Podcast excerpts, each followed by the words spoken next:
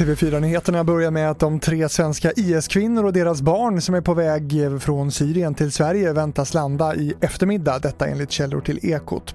Kvinnorna har utvisats från Syrien på livstid då de anses utgöra en säkerhetsrisk.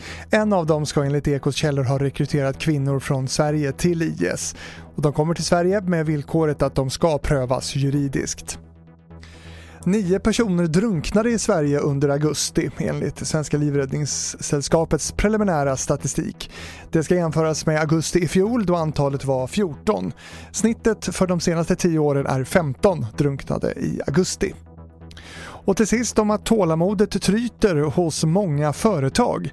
Arbetsgivarna kräver besked om distansarbetet ska fortsätta efter den sista september. Karina Lindfelt är avdelningschef för avdelningen arbetsmarknad på Svenskt Näringsliv med 60 000 medlemsföretag. De kräver att eh, Folkhälsomyndigheten måste sätta ner foten och ge besked så fort som möjligt. Du har hört TV4 Nyheterna. Jag heter Fredrik Rahlstrand.